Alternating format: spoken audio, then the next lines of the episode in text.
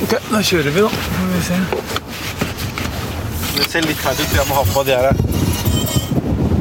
telefonene. Ja, da. Skal vi se. Ja, det er ganske bra. Det du skal få høre nå, er noen opptak vi ikke har spilt av mye fra før. De blei gjort da ingen i Norge visste at Anne-Elisabeth Hagen var blitt borte. Bortsett fra familien hennes, noen fra politiet, noen journalister og de som er involvert i forsvinningen. Øystein Millie, Kari Spets og jeg kjører til Sloraveien for å se, i all hemmelighet, i en leiebil som ingen kjenner. Det er viktig at vi ikke blir sett eller gjenkjent. For hvis noen får vite det, så kan det sette livet hennes i fare. Dette her er fra desember 2018. Lørenskog-saken var helt ukjent, og Anne Elisabeth hadde vært borte i over en måned. Ikke stopp så nærme, syns ikke jeg. Nei, det er ikke stoppe. Hvor, hvor, er vi nærme nå? Ja, vi er det. Det er derfor jeg skal si det, for jeg kjørte hvis det var midt i en samtale. Eh, Nå er vi på en eh, hovedvei, eh, så her er det ikke noe problem å kjøre. Her kommer det rutebusser og masse trafikk. Men nå ligger altså da huset til Hagen ligger nå rett inn til høyre.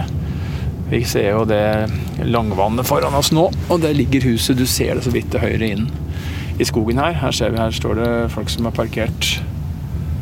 Den har stoppet hver dag, vet du. Ja, Hvor mange vi har vært her.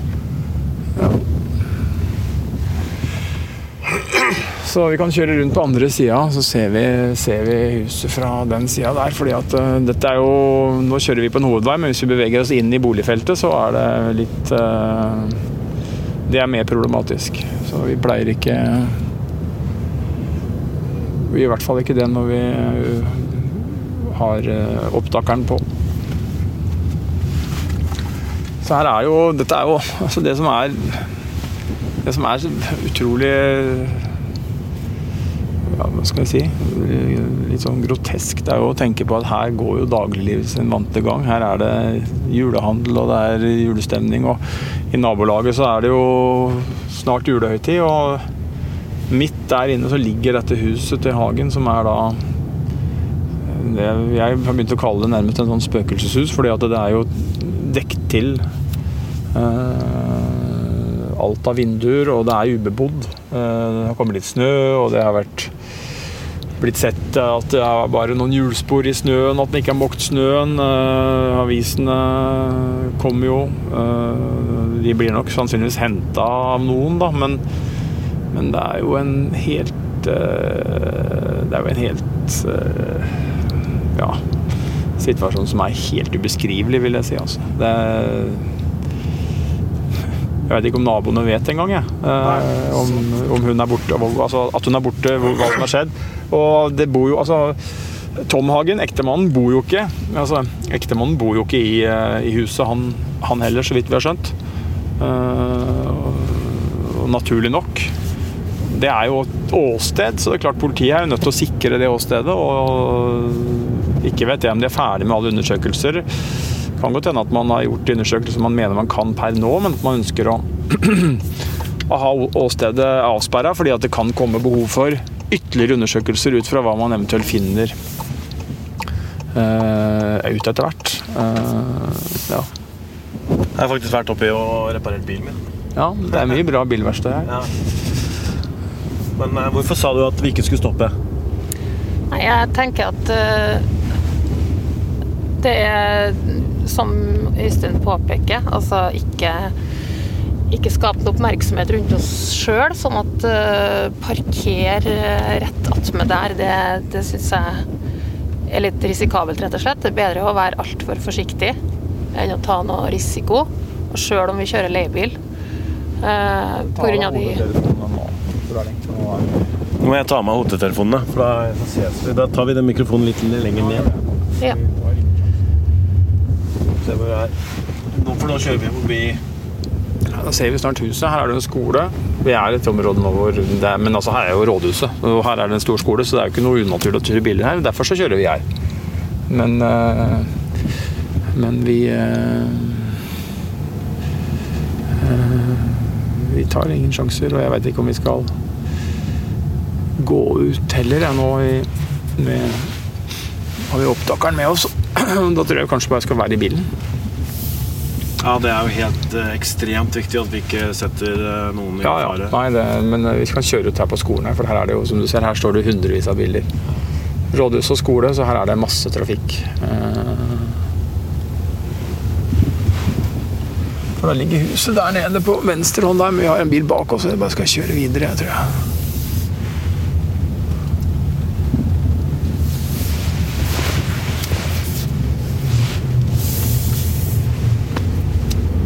Ingen plasser her, så derfor han følger etter oss, kanskje? Eller er det noen som følger etter oss? Nei da, jeg tror ikke det, da.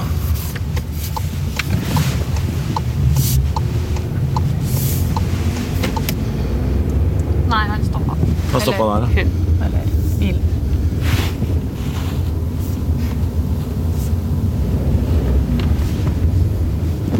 Ja, men det er veldig spesielt, for det er jo Naturlig nok så er det jo Det er jo ingen som vet hva som foregår her, ikke sant?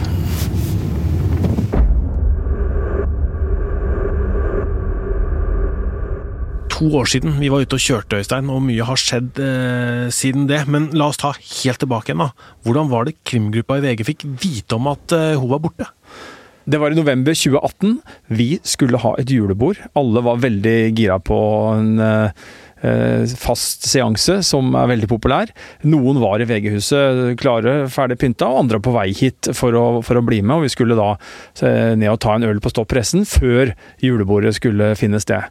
Men eh, dit kom vi aldri, fordi at vi fikk plutselig en beskjed om at det var dukka opp en sak, en helt utrolig sak.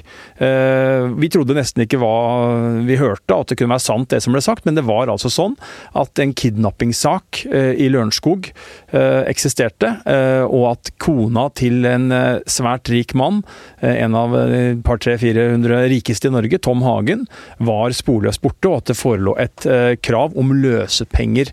Vi starta med å ringe rundt, eh, riktignok bare rundt i politiet, for å forsøke å få en oversikt. Og så gikk det bare etter en time eller kanskje to, og så får vi beskjed fra, fra nyhetsredaktøren, Tora, om at eh, eh, vi må stoppe. Eh, Politiet har ringt til VG og sagt at eh, selv det at vi ringer rundt i politiet, og da kommer i kontakt med folk som ikke vet at denne saken fins, er potensielt eh, farlig eh, for Anne-Elisabeth Hagen.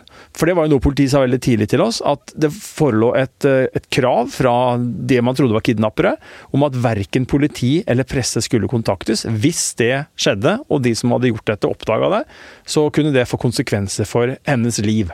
Så måtte vi jo bare eh, ja, roe ned, eh, slutte å ringe. Men så begynner dette her, da. Og, og man må jo jobbe med det på en eller annen måte. Hva, hva gjør dere da dagen etter? Det er viktig å si at internt her i VG også var det, det var fullstendig lokk på denne saken. Vi jobba mm, i egne rom, adskilt fra resten av redaksjonen. Eh, Denne saken fikk da et kodenavn her i huset, og det, det ble ikke unaturlig da Operasjon julebord, eh, som eh, ingen forsto hva egentlig betød, og det var et poeng. Eh, det var en eh, sak som, til tross for at vi ikke kunne skrive om den eller publisere noe stoff om den, så var det en sak som var til, i aller høyeste grad pågående, og som kunne få en dramatisk nyhetsutvikling når som helst eh, dag, eh, kveld eller natt. Så det satte jo på en måte rammene på hvordan vi måtte jobbe. Og hva gjorde dere da for å få et inntrykk av eh, hjemmet der hun bodde? Første triks er jo eh, ganske enkelt. Det er jo å gå på Google og få en oversikt både fra lufta og fra bakken. Dette var ikke et hus som lå i enden av en blindvei, som kunne vært det verste sånn sett, eh, med tanke på å få en oversikt. Det var et hus som lå eh, midt i et turområde. Det ligger jo ved Langvannet. Nå vet jo hele Norge hvordan dette huset ligger, men da, da visste jo ingen det. Men det, jo, det går jo da en eh, blindvei, ja, ned til Hagenhuset, men det fortsetter jo da med en med en gangvei videre rundt, og veldig mange, skulle vi finne ut, har jo denne runden forbi eh, Tom Hagen og Anne-Elisabeth Hagens hus eh, eh, som en del av eh, en joggerunde. Man går tur med hund, eller man eh, triller barnevogn eller sykler. Så det, så det var på en måte ikke så veldig vanskelig å, å tenke at her kan vi i hvert fall til en viss grad eh, opptre uten at vi eh, setter noens liv i fare. Og så skjedde det ting når dere var der borte. Eh, Har du en Ja, hva da? Nei, vi var jo da uh, ute rundt huset. Uh, vi var veldig grundige og nøye med hvor mange ganger vi kunne gå forbi hver dag. Vi varierte i antall personer, uh, ja, konstellasjoner. det var kvinne, mann, mann, mann, kvinne, kvinne osv. Så var det, husker jeg spesielt en gang hvor jeg og min kollega Kari Spets vi var ute og gikk rundt rundt Langvannet og kom uh, gående ned Sloraveien i retning Hagenhuset. Uh, eh, Kasta noen stjålne blikk inn uh, for å se om det var noe som skjedde. Det, det var det ikke, det var helt stille forlatt, uh, huset. og så ser jeg da foran oss at det kommer en, en kvinne og en mann, type ja, mellom 30 og 40 kanskje, eh, eller rundt 40. Ja. Og eh, typisk allværsjakke, eh, olabukse, vintersko, lue, hansker. Og min, kall det gjerne yrkesskadde radar, sier jo da ups, sivilpoliti potensielt. Og så begynner jeg da å prate med Kari bare om noe helt sånn eh, Ja, et eller annet eh, Hun er fra Trøndelag, så jeg tror jeg tok tak i noe trøndersk tema eh, bare fra øverste hylle i hodet. Um, mens jeg da er spent på de to vi møter, og hører da at den ene sier til den andre lavt idet vi går forbi at ja, nå er det er det huset det er det huset her. Det er her de bor. Uh, og da skjønte jeg at ok, det var, det var riktig, og, og litt, uh, litt, morsomt var det jo. For det, jeg tror ikke de skjønte at vi var pressefolk, men vi skjønte altså at de var politifolk. Kjøre en gang til ned der, da? Bare for å se, eller? Bak der? Nei. Ned til Ja, ja ned forbi vannet. Ja, det kan Ja. Men vi kjører ikke inn der vi var nå igjen, for det er ikke noe. Man eh, legger jo merke til uh, veldig mye som jo kan være bare helt hverdagslige ting, ikke sant. Um, samtidig som uh, uh, Jeg har jo på en måte gått tur der, ikke sant. Uh, og da er det veldig Det er veldig absurd, fordi det er et utrolig vakkert område. Um, snøen ligger liksom ja, tungt over trærne. Det er en sånn nydelig lysløype med sånn forseggjorte lykter. Eh, folk har hengt opp julepynt. Um, det, er, det er så rart, da. For det foregår eh, et drama knytta til det huset. Samtidig som alt rundt er så hverdagslig.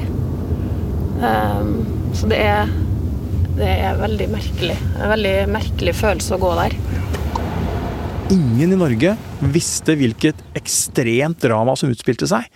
Eh, og det var liksom visualisert de grader eh, for oss som var der ute, som så da eh, hverdagslivet, desemberidyll, høytid. Alle kjenner jo den følelsen av hvordan familier forbereder seg til dette. Forventningene som ligger i lufta før jul. Og så var det da et hus hvor det var bare helt svart, og det var Hagenhuset. Mhm. Og så blir det jul, og det er ingenting som skjer. Hva, hva tenkte du da? Nei, vi, vi var jo vi tenkte jo hele tida at noe kunne komme til å skje. Eh, Og, det bygger vi jo på erfaring, ikke fra norske kidnappingssaker, for det finnes ikke veldig mange, men fra internasjonale saker. Så vet man jo det at eh, ofte så kommer det eh, ja, løsepengekrav, og så er det et veldig trykk på de som presses om å betale. Det er tidsfrister, og det er et ønske om å få avslutta denne operasjonen, sånn at de som har eh, bortført noen, får det økonomiske utbyttet de er ute etter. Eh, Og vi trodde jo det skulle skje her også, men eh, tida gikk. Men så, 9. januar, så kommer en pressekonferanse. Det er fremsatt både krav om løsepenger og alvorlige trusler i saken. Løsepenger i form av kryptovaluta, alvorlige trusler i form av hva som vil skje med den bortførte hvis kravene som er fremsatt ikke innfris. Slik saken står nå, har politiet rådet familien til ikke å innfri kravet. Motivet for bortføringen antas å være økonomisk vinning. Og hva er det politiet går ut med av informasjon da, Øystein? Politiet sier jo ikke så veldig mye uh, utover det vi allerede vet, nemlig at Anne-Elisabeth Hagen uh, er kidnappa, uh, bortført, fra hjemmet sitt i Sloraveien 4. At det foreligger et løsepengekrav, og at det er trusler om grov vold dersom kidnapperne ikke får innfridd kravet sitt. Og da starter jo vi med den store jobben, og det er å prøve å finne ut av hva i all verden skjedde i Sloraveien 31.10.2018.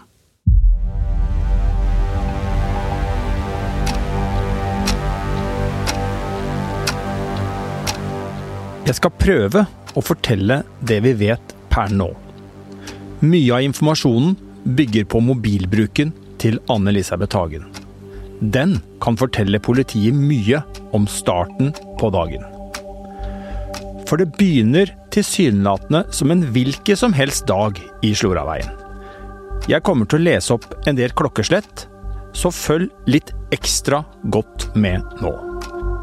Vi begynner på morgenen. Rundt klokka sju står ekteparet opp, og de følger sine vanlige morgenrutiner, har Tom Hagen fortalt i politiavhør. På Anne-Elisabeths iPad blir været på Kvitfjell sjekket. Klokka 08.44 ringer en ansatt hos Tom Hagen til Anne-Elisabeth. Men hun svarer ikke. Et minutt senere ringer Anne-Elisabeth tilbake til den ansatte hos Tom Hagen. De snakker sammen i ti minutter. Den ansatte har fortalt til politiet at alt virket normalt, og at Anne-Elisabeth fortalte at hun og Tom muligens skulle til Kvitfjell senere denne dagen. Så kommer vi til formiddagen, og den helt kritiske timen hvor politiet tror at Anne-Elisabeth ble utsatt for en alvorlig kriminell handling. Omtrent samtidig som hun avslutter telefonsamtalen med den ansatte hos ektemannen, fanger et videokamera opp en bil som kjører opp gangveien like bak huset i Sloraveien. VG har tidligere omtalt den mystiske bilen, og politiet har fortsatt ikke kontroll på hvem som kjørte den, eller hva føreren skulle i Sloraveien denne morgenen. Denne bilen skal vi snart snakke mer om.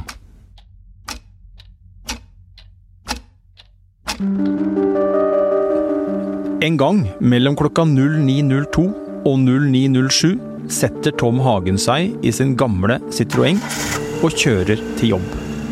Så langt vi vet, er Lisbeth, som venner og familie kaller henne, alene i huset mens Tom Hagen er på vei til jobb.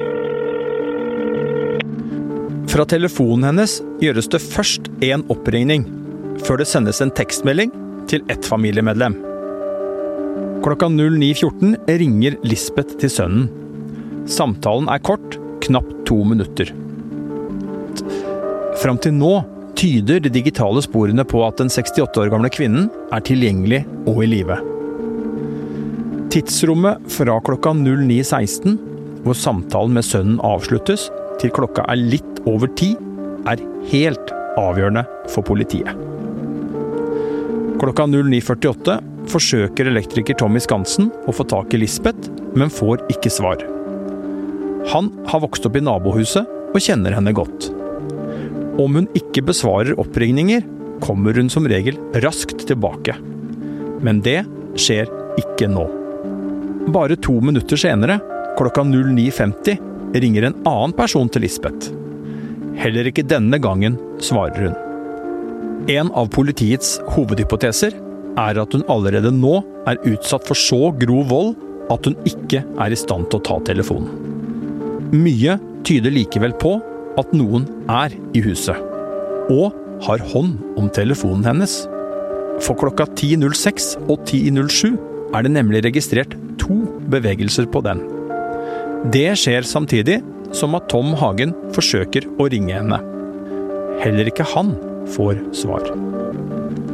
Etter klokka 10.07 er det ikke registrert flere bevegelser. Det blir helt stille. Senere på dagen forsøker ektemannen Tom Hagen flere ganger å ringe kona si, uten å få svar. Han skal overfor en kollega ha virket bekymra. Litt før klokka halv to går han hjem fra jobben. Cirka klokka 13.30 kommer Hagen til Sloraveien 4. 37 minutter senere, klokka 14.07, varsler han politiet om at kona er borte, og at det ligger igjen et trusselbrev som krever ham for millioner i kryptovaluta. Kort tid etter dette møter han en uniformert politipatrulje på en bensinstasjon like i nærheten. Nå er jo eh, klokka 20 på 10, og det er jo midt i det tidsrommet som eh, politiet mener at eh, noe alvorlig tilstøtte naboen deres, Anne-Elisabeth Hagen. Kan ikke dere si litt om hvordan en formiddag på den tida her fortoner seg i, i Sloraveien? Ja, det er jo det er vel helt sånn typisk eh, situasjon det vi nå står i. Altså Det er eh, stille og rolig. Eh, skolebarn har eh, passert her og er eh, opptatt på skolen. Og det går eh, en tilfeldig person forbi her sånn i ny og ne. Og lite biltrafikk er der òg, så det er et veldig en, en stille periode egentlig på døgnet, dette her. Men biler, det er det lite av? Det er det lite av. Eh, det er eh, veldig oversiktlig, egentlig, det som eh, foregår nederst i Sloraveien. Det er klart at det genererer litt trafikk. Den barnehagen, altså hva den heter Tore? Den hva heter barnehagen? Vangen? Ja, ja Vangen, Vangen, barnehage genererer litt grann trafikk eh, fram og tilbake. Men nedre del av Sloraveien, der er det veldig stille når det gjelder biltrafikk. Altså. Jeg har også inntrykk av at det er en del trafikk til Hanaborg stasjon. Mm. Altså folk som jobber i Oslo som går opp her. Mm. Kanskje fjellet går enten den veien eller denne veien. Så det er en god del gangtrafikk. På det tidspunktet så var det jo også slik at uh, Eh, veien var åpen, altså gangtrafikken her var åpen for også bilister. Det var jo ikke lov, det er jo blindvei og gangfelt. Men det var ingen fysisk eh, sperring Det var ingen fysisk sperring i bånn? Eh, og det gjorde jo at noen biler kjørte ned og forsvant ut den veien. Eh, I hvilket tidspunkt, det kan jeg ikke si deg, men det var i hvert fall noen som kjørte ut der. Hvorfor var det åpent? Det er fordi kommunen brøyter om vinteren. Vi må snakke mer om bilen vi nevnte i tidslinja. Den som kjører opp gangveien like bak huset klokka 08.56 den dagen Anne-Elisabeth forsvinner. For den har vi ikke snakka så mye om før. Status på den bilen er jo at man ikke vet hvem som kjørte, man vet ikke hvilken type bil. Overvåkingsbildene tatt på andre siden av Langvannet er så dårlige at man hadde problemer med å faktisk fastslå om det var en bil. Så man har hatt en rekonstruksjon, politiet, med en bil her som vi går nå, for å se om det kunne være det de så på, på videofilmen. Og det, det, viser det seg da at det, at det var. Politiet vet jo ikke verken farge, type, størrelse, antall personer. Um, alt om denne bilen er usikkert. Det eneste man vet, er at den beveger seg opp her som vi går nå, i retning åstedet. Eh, og at den ikke forsvant ut igjen samme vei, for det fins ikke bilder av bilen når den kommer eh, eventuelt tilbake igjen. Så hvor den har tatt veien videre, vet man heller ikke. Men som du ser nå, Håvard, så er vi nå kommet opp bare Vi har kanskje gått ja, 50-60 meter fra det punktet hvor den bilen ble sett. Og her har du Eh, åstedet. Her er eh, Sloraveien 4. Vi har jo hatt eh, god kontakt gjennom mange år, helt fra vi har hatt felles barn på skole. Grete Vik er en mangeårig venn av familien Hagen. Det er vel to generasjoner Hagen da som har vært med i teaterarbeidet. Og der har vi jo spesielt de siste årene hatt mye kontakt. Hvordan vil du plassere familien Hagen i lokalsamfunnet her i Lørenskog? Ja, som en eh, veldig normal familie, som jeg har eh, opplevd det. Eh, som foreldre på skolen, hvor det er først og fremst Lisbeth som jeg møtte på foreldremøter og sosiale sammenhenger der. Eh, hun hadde en schæfer for en del år tilbake, og jeg hadde en hund som Vi møttes jo ofte når vi gikk ute og lufta disse hundene. Og da slo vi alltid av en prat. Det var veldig lett å snakke med Lisbeth. Hun var åpen, fortalte om løst og fast, og lurte på hvordan det sto til hjemme hos meg. Hva kan du si om denne kontakten dere har hatt disse årene? Nei, den har eh, vært eh, utelukkende positiv.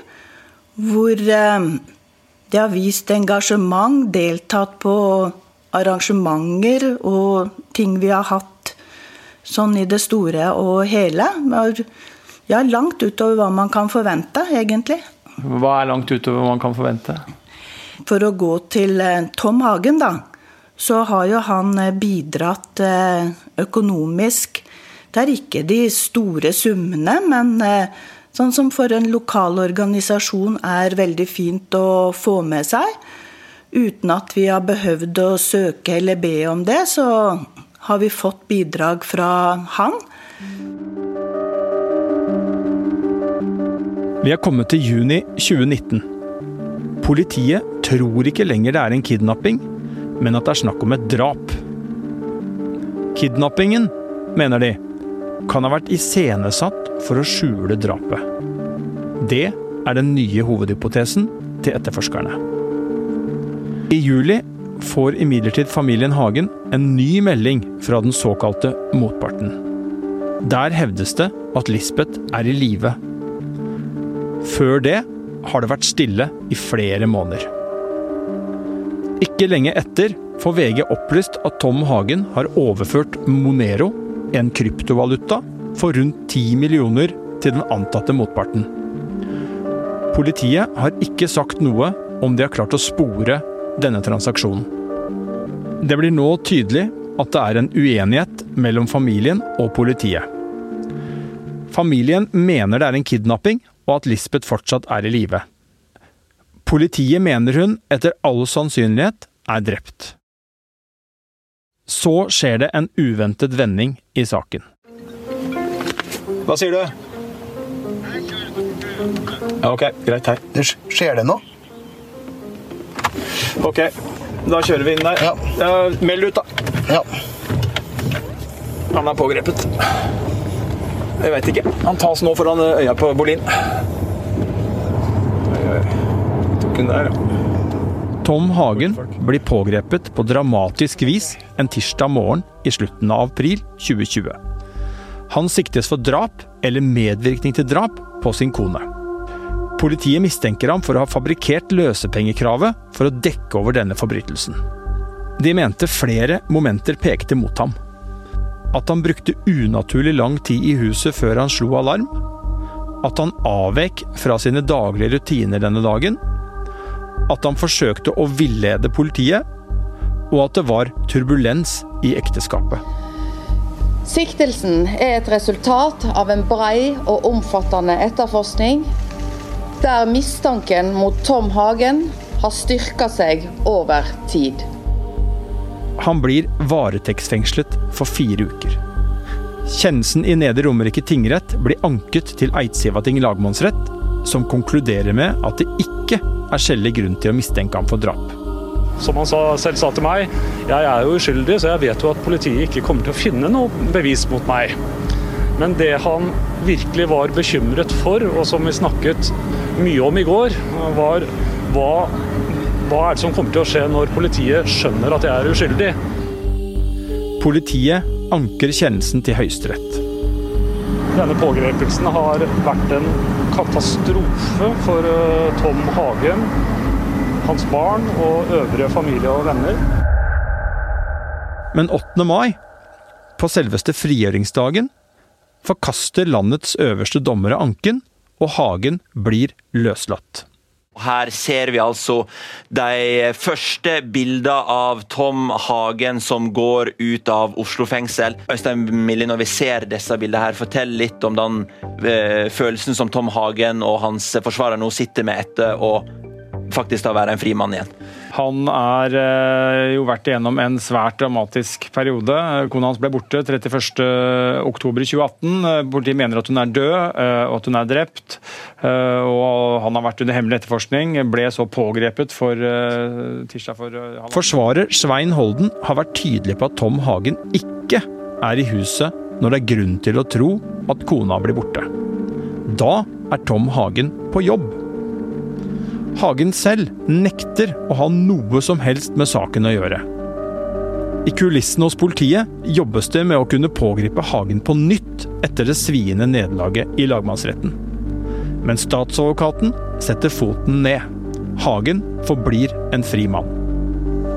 Etter at stormen som herja da Hagen først ble pågrepet, og så løslatt, la seg, har det ikke skjedd mye. Det har vært ganske stille. Sånn jeg ser det, står politiet overfor flere problemer. De kan ikke plassere Hagen på åstedet på det tidspunktet de mener Anne-Elisabeth ble drept. Ikke kan de koble ham til innkjøp av gjenstander som kan knyttes til en bortføring eller drap, og ikke kan de knytte ham til potensielle gjerningsmenn på noe vis.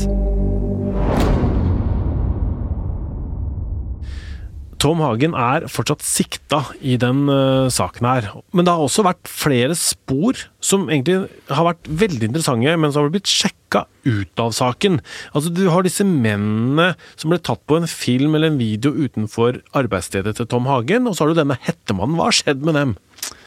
Futurumennene dukka jo opp dagen etter uh, politiet gikk offentlig ut med denne, uh, denne saken. 10.1 så var det en pressekonferanse. Da la jo politiet frem Eh, videofilmer av to menn som eh, var fanga opp når de gikk forbi arbeidsplassen til Tom Hagen. Den ene kom klokka 7.36, gikk eh, rolig nedover, men plutselig så snudde den og gikk opp igjen samme vei som han kom. Uten at det var mulig å se noen spesiell grunn til at han skulle snu akkurat der. Så gikk det 24 minutter, og klokka åtte blank så hadde kameraene fanga opp en ny mann som kom gående. Tilsynelatende snakkende i mobiltelefon. Eh, han stoppa ikke, eller snudde ikke, men gikk bare videre forbi eh, bygget og forsvant. Og disse to mennene trodde jo politiet da kunne ha noe med forsvinningen å gjøre. Så er det sånn at de eh, i dag ikke er så interessante. Så vidt vi vet, så er de vel ikke identifisert, men politiet har gjort en grundig jobb og mener ut fra andre holdepunkter de må sitte på, at mennene ikke har noen rolle i forsvinningen. Og så er det som du sier, dukka opp en, eh, en, mann til, den såkalte Hettemannen. Han dukka opp nå i sommer. Ehm, det var en mann som kom gående eh, forbi metrosenteret. Gikk eh, i retning Sloraveien og ble fanga opp eh, når han bare hadde fem-seks minutter igjen å gå før han sto på åstedet. Og det spesielle med han eh, var at ansiktet så tildekka ut. I tillegg så stoppa han opp helt plutselig og tilsynelatende umotivert ved en søppelcontainer utafor hjelpemiddellageret i Lørenskog. Og akkurat der han stoppa og kikka seg rundt, det var det første stedet på ruta hvor han kunne se over til Sloraveien. Eh, politiet etterlyste han da første gangen i, i, sommer, og har nå de siste ukene eh, intensivert interessen sin for han. Det ble kjent at han hadde en jakke eh, som er av typen missing link. Eh, og man har også fått eh, satt i gang høydeanalyser for å forsøke å finne ut av eh, hvor høy han var, og mm. dermed kunne komme nærmere hvem han er. Og så plutselig, da, i forbindelse med at politiet har en, en, et pressebrif i, i, forrige uke, så um, dukker mannen opp, han. Politivakta Lillestrøm og sier at jeg tror jeg, kanskje jeg som er han hette mannen. Ja vel, eh, det får vi undersøke nærmere. Eh, og så gjør man da, antar jeg, eh, en del undersøkelser, helt sikkert et avhør, hvor han da kommer med informasjon som gjør at politiet nå legger til grunn at han én var hettemannen, og to har ingenting med saken å gjøre. Hva slags spor har de igjen å gå etter? Nei, De har jo Eh, for det første eh, sporene fra åstedet. Brevet, stripsen, sprokkskoene, eh, som vi vet at de jobber med. Og så er det jo et spor som er viktig, og det er jo dette pengesporet, kryptosporet. Fordi at det har jo vært kommunikasjon for det første mellom en antatt motpart og familien Hagen. Eh, og man mener at den kommunikasjonen eh, kommer fra noen som eh, er gjerningspersoner, eller som kjenner i hvert fall detaljer rundt det som skjedde. Og da er det jo selvfølgelig vanskelig, men visstnok også mulig, å knekke disse kodene og klare å spore opp enten en datamaskin eller personer eller på annen måte holdepunkter som gjør at man kan eh, komme nærmere noen som er avsendere. Og så er det jo sånn at det er sendt eh, et eh, betydelig beløp fra Tom Hagen til noen. rundt 10 millioner kroner er det vel, i, kryptovaluta, som ble overført i et forsøk på å få Anne-Elisabeth Hagen hjem. Og også denne transaksjonen Eh, vil man jo forsøke å spore. Ok, Og så vet vi at det er rundt 30-40 stykker i politiet som jobber med denne saken her hver dag. Det er 2300 beslag, det er 600 vitner som er avhørt, og det er 6000 timer med videoopptak som politiet går gjennom. Eh, vil vi noen gang få svar på hva som har skjedd, Øystein? Ah, kunne jeg sagt ja eller nei på det, Tor Erling, så skulle jeg gjerne ha gjort det. Jeg er jo blant de som håper. Eh, og til dels tror. Um, Politiet står fast ved at de er optimistiske. Eh, så at blant annet, eh, ja, De sa det til oss når vi var pressemøte nå i uka som gikk. Så også at de sa i lokalavisa at det var feil å si at saken sto i stampe. Eh, og da må vi velge å tro på det. Og da betyr det at man jobber med noe som eh, vi ikke vet hva er, men som uh, sannsynligvis har et potensial for å kunne oppklare saken. Og så har jo et langt liv i kriminaljournalistikken lært meg at selv om det kan virke helt stille og rolig og helt dødt, at det ikke skjer noen ting, og man tenker at denne saken blir aldri løst, så kan det plutselig eksplodere. Alt kan bli snudd på hodet, og politiet kan melde om at de har pågrepet en eller flere personer.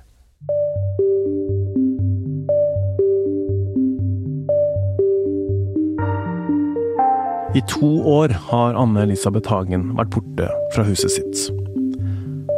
Og nå går vi igjen inn i den mørkeste tida. Der tente julelys kanskje kan symbolisere det håpet om at saken skal få en løsning. Jeg heter Tor Erling Tømt Ruud, og du når oss på krimpodden at vg.no, eller på gruppa vår på Facebook. Produsent for denne podkasten er Vilde Våren. Øystein Milli har vært med. Håvard Christoffersen Hansen har bidratt, og mange av detaljene er gravd fram av krimjournalistene Gordon Andersen, Ådne Husby Sandnes, Morten Hopperstad og Hanna Haug Røseth. Musikken er laga av Ronny Furuvik, og Magne Antonsen har det tekniske ansvaret. Neste torsdag kommer det en ny episode av Krimpodden, og da skal vi til en sak som har gnagd og gnagd og gnagd i over 20 år. Det handler om en død dame som ingen veit hvem er.